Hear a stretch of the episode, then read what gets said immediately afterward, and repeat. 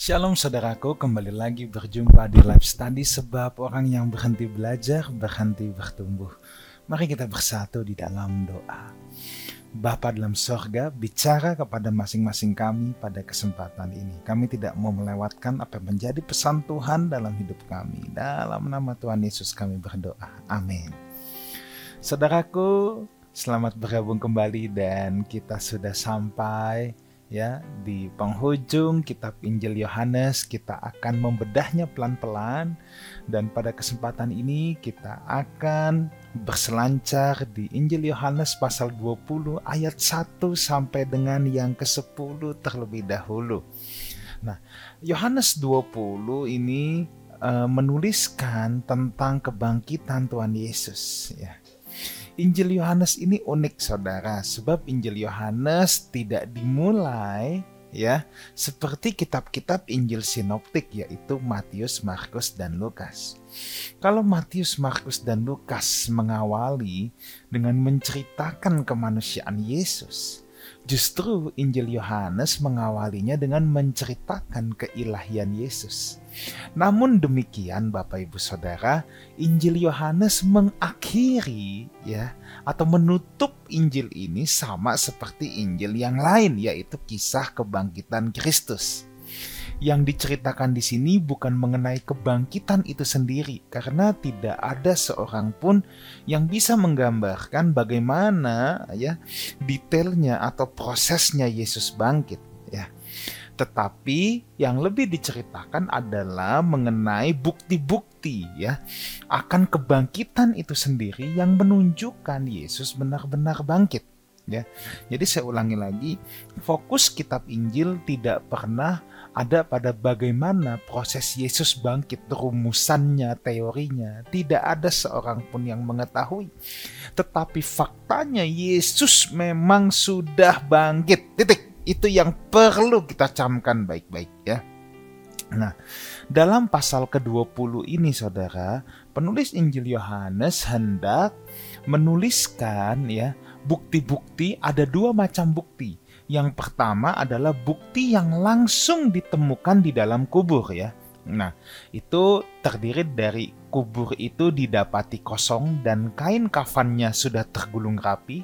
Itu di ayat 1 sampai 10 yang akan kita bahas pada kesempatan ini. Dan di kesempatan mendatang itu ayat 11 sampai 13 dua orang malaikat menampakkan diri kepada Maria Magdalena di kubur. Lalu Kristus sendiri menampakkan diri kepada Maria Magdalena. Ini yang akan kita bahas di pertemuan yang akan datang ya di ayat 11 sampai 18 ya. Nah, sedangkan ada juga bukti-bukti yang didapati setelah itu dalam pertemuan-pertemuan para rasul ya. Nah, ini bukti di luar kubur ya. Nah, itu dicatat pada satu waktu di malam hari yang sama ketika Kristus bangkit waktu Thomas belum ada. Itu nanti di ayat 19 sampai 25. Lalu pada waktu lain pada malam ketujuh ketika Thomas ada bersama-sama dengan mereka itu ayat 26 sampai 31 ya. Yang disampaikan di sini ya oleh penulis Injil Yohanes sebagian besar adalah apa yang dilewat dilakukan oleh penulis Injil yang lain ya. Nah, jadi nanti kita akan memperhatikan bukti langsung di dalam kubur dan bukti di luar kubur. Kenapa saya harus melalui ini pelan-pelan Saudara? Sebab kebangkitan Kristus adalah sentral dari iman Kristen, inti iman Kristen atau pengharapan iman Kristen, saudara ya. Paulus sampai berkata kalau Kristus tidak dibangkitkan, kepercayaan kita menjadi sia-sia. Makanya kebangkitan ini sangat penting untuk kita amati ya. Oke, mari kita mulai dari ayat yang pertama dan yang kedua terlebih dahulu. Pada hari pertama minggu itu, pagi-pagi benar ketika hari masih gelap, pergilah Maria Magdalena ke kubur itu dan ia melihat bahwa batu telah diambil dari kubur. Ia berlari-lari mendapatkan Simon Petrus dan murid yang lain yang dikasihi Yesus dan berkata kepada mereka, Tuhan telah diambil orang dari kuburnya dan kami tidak tahu di mana ia diletakkan. Saudara, seperti yang saya katakan tadi, tidak ada hal lain yang lebih penting yang ingin ditunjukkan oleh para rasul, para murid, selain bukti kebangkitan guru mereka. Kenapa? Sebab kebangkitan Kristus ya adalah apa yang diucapkan, diserukan oleh Yesus sendiri dan itu adalah bukti yang paling valid dan meyakinkan bahwa dia memang Mesias. Makanya ini sangat penting sekali, saudara ya. Orang-orang yang tidak mau percaya akan hal ini, kata Tuhan bilang ya, di Injil Matius itu hanya diberikan atau untuk memperhatikan saja tanda Nabi Yunus yang bandel yang tidak mau percaya. Nah, lawan-lawan Yesus pada saat itu imam-imam kepala, ya, ahli Taurat, orang-orang Farisi, sangat khawatir akan hal ini. Kenapa? Sebab gini saudara, kalau Yesus betul-betul bangkit, masyarakat akan berbalik menyerang mereka. Mereka bukan saja dibilang sebagai pembunuh, tetapi pembunuh Mesias. Nah, jadi saudara harus tahu ya, ini, ini sangat penting. Sampai mereka mau kubur Yesus dijaga ketat. Karena mereka tidak mau kecolongan. Mereka tahu akan pentingnya fakta kebangkitan ini. Kalau Yesus bangkit, ini validasi bahwa dia memang Mesias. Dia dia bukan manusia biasa. Nah, mereka juga takut. Wah, ini kalau sampai bangkit, mereka ini bukan sekedar pembunuh orang yang tidak bersalah, tapi mereka pembunuh Mesias, maka mereka takut sekali, saudara. Ya. Makanya dari sisi orang Farisi, ahli Taurat, imam kepala takut akan hal ini. Mereka memperhatikan betul apakah Yesus betul-betul bangkit atau tidak. Dari sisi para rasul murid-murid Tuhan Yesus juga sangat memperhatikan akan hal ini. Ya, sebab ini adalah apa yang Yesus berkali-kali ucapkan dan ini bukti paling valid bahwa mereka mengikut Mesias, bukan sekedar guru atau rabi biasa. Ya. Lalu pada kebangkitan inilah juga, ini hal yang kedua, bergantung seluruh tugas yang harus dilaksanakan Kristus sebagai penebusan dan keselamatan bagi kita semua. Ya. Itu sebabnya Paulus berkata tanpa kebangkitan sia-sia kepercayaan kita. Kebangkitan Kristus adalah engker, jangkar jangkar dari pengharapan iman Kristen. Nanti kalau kita sedang membahas saudara ya, kitab Korintus misalnya atau kitab Roma, saudara akan menemukan bahwa kebangkitan Kristus itu adalah pengharapan orang percaya. Itu adalah uh, bukti, anchor. Anchor itu jangkar, fondasi pengharapan orang percaya. Mereka rela menderita, rela membela nama ini ya rela menderita untuk Kristus karena mereka punya satu kepercayaan mereka akan dibangkitkan. Buktinya apa? Yesus sudah bangkit. Nah, makanya kebangkitan ini penting sekali bagi iman Kristen ya. Penting sekali bagi iman Kristen. Nah, ada sebuah fakta yang diceritakan di ayat tersebut. Fakta tersebut adalah kubur itu telah kosong. Penulis tidak menuliskan siapa yang bersama-sama dengan Maria Magdalena tetapi kita tahu jelas bahwa Maria Magdalena itu sangat bersemangat untuk mengunjungi kubur Yesus. Di situ dikatakan selepas dari sabat. Selepas dari sabat ini saudara, Maria nggak sibuk belanja grocery, nggak sibuk ini itu, tetapi hal pertama yang ia lakukan adalah mengunjungi kubur Yesus. Kita bisa melihat sebuah kobaran kasih, kobaran cinta kepada Yesus. Inilah Paskah Kristen pertama. Nah, jadi Paskah orang Yahudi dengan Paskah orang Kristen itu beda, saudara ya. Kalau Paskah orang Yahudi itu memperingati dilewatkannya, ya, ketika tulah ke-10 itu, ya, uh, dilewati pembunuhan anak-anak sulung orang Mesir ketika Tuhan ingin membebaskan umat Israel dari uh, Mesir. Paskah orang Kristen adalah dibebaskannya kita dari maut. ditandai dengan apa? Kebangkitan Kristus. Ini pasca Kristen pertama. Alkitab mencatat Maria datang pagi-pagi benar, hari masih gelap. Ini menunjukkan kerajinan dan kerinduan hatinya untuk mencari Tuhan. Dan ditemukan batu besar yang digunakan untuk pintu kubur itu sudah terguling. Jadi kubur dulu itu hanya ditutup oleh bongkahan batu besar saudara ya. Uh, jadi kalau para penyerang iman Kristen beranggapan bahwa Maria yang menyingkirkannya itu mustahil. Maria nggak akan kuat saudara ya. Maria, upah Maria sebagai orang yang begitu sungguh-sungguh mengikut Kristus adalah ia boleh diberitahu pertama kali ya bahwa Kristus telah bangkit dan dia adalah saksi yang pertama bertemu Yesus. Ini anugerah ilahi saudara ya. Dia yang punya kelaparan, kehausan, kerinduan. Dan Tuhan memberikan anugerah ilahi itu privilege kepada Maria. Maria boleh uh, melihat pertama kali, menjadi saksi pertama kali. Nah, setelah Maria melihat kenyataan itu kubur kosong, Maria langsung lari pergi ke Yohanes dan Petrus yang kemungkinan tinggal di ujung kota yang tidak terlalu jauh dari kubur Yesus ya. Ia berkata, "Nah, ini dia. Tuhan telah diambil. Lah, kok bisa Maria uh, yang sering mendengar Yesus juga bahwa ia akan bangkit, ya, malah bilang uh, mayat Yesus atau Tuhan telah diambil.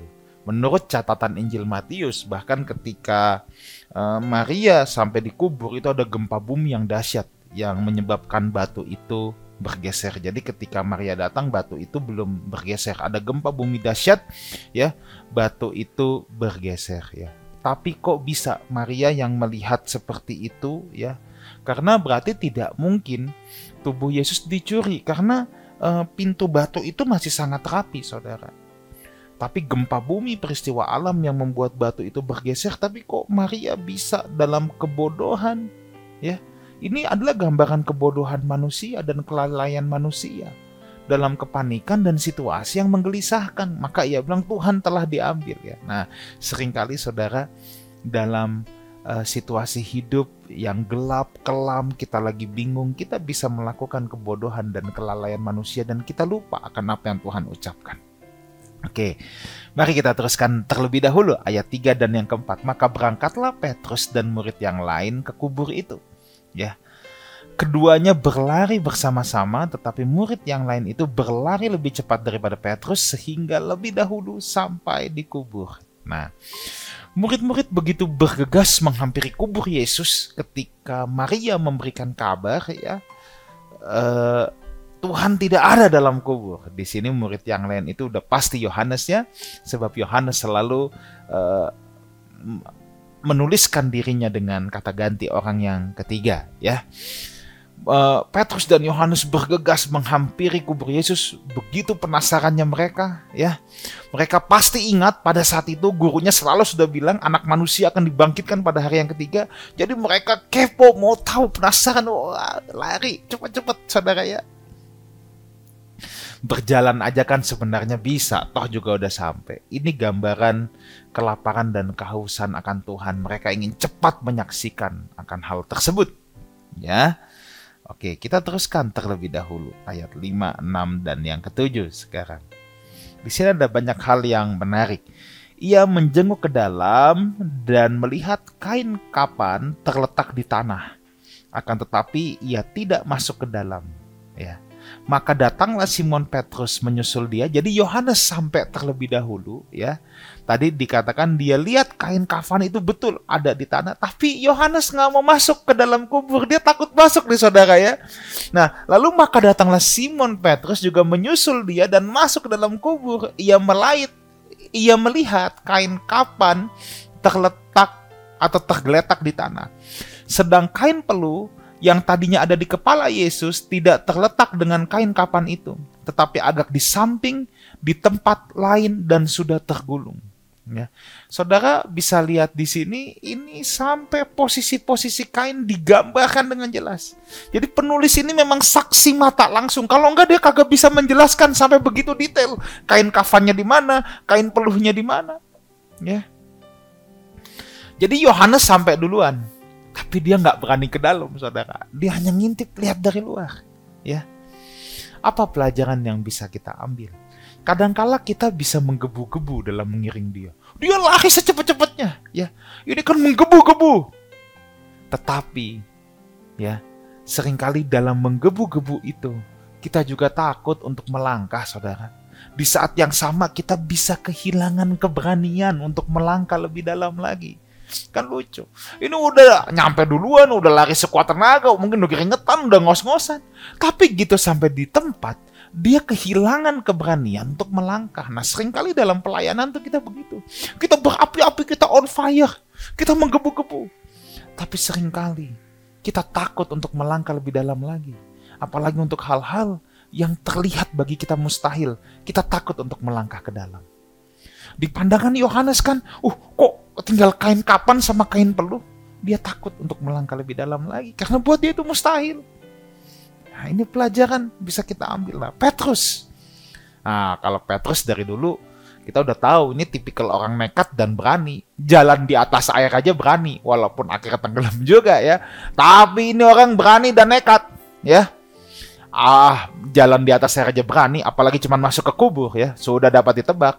Dia boleh sampai belakangan gitu. Nyampe dia nyelonong. Lah ini selonong boy. Dia nyelonong masuk langsung ya. Tipikal Petrus pasti meringsek masuk ke dalam. Ya dia tipikal yang tidak sabar ya.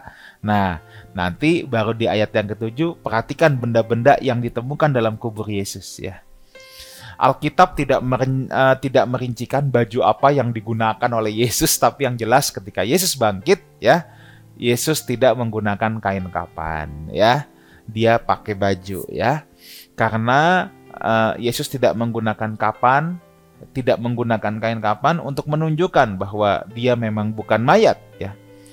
Lazarus bangkit dengan kain kapan karena Lazarus bangkit dan mati lagi, tetapi Kristus bangkit untuk selama-lamanya. Jadi beda saudara. Waktu Lazarus keluar dari kubur itu masih pakai kain kapan. Yesus bangkit tidak pakai baju. Walaupun tidak diceritakan ini baju dari mana, baju model apa, baju apa. Enggak, enggak diceritakan. Tapi yang jelas Yesus tidak tidak memakai kain kapan, ya.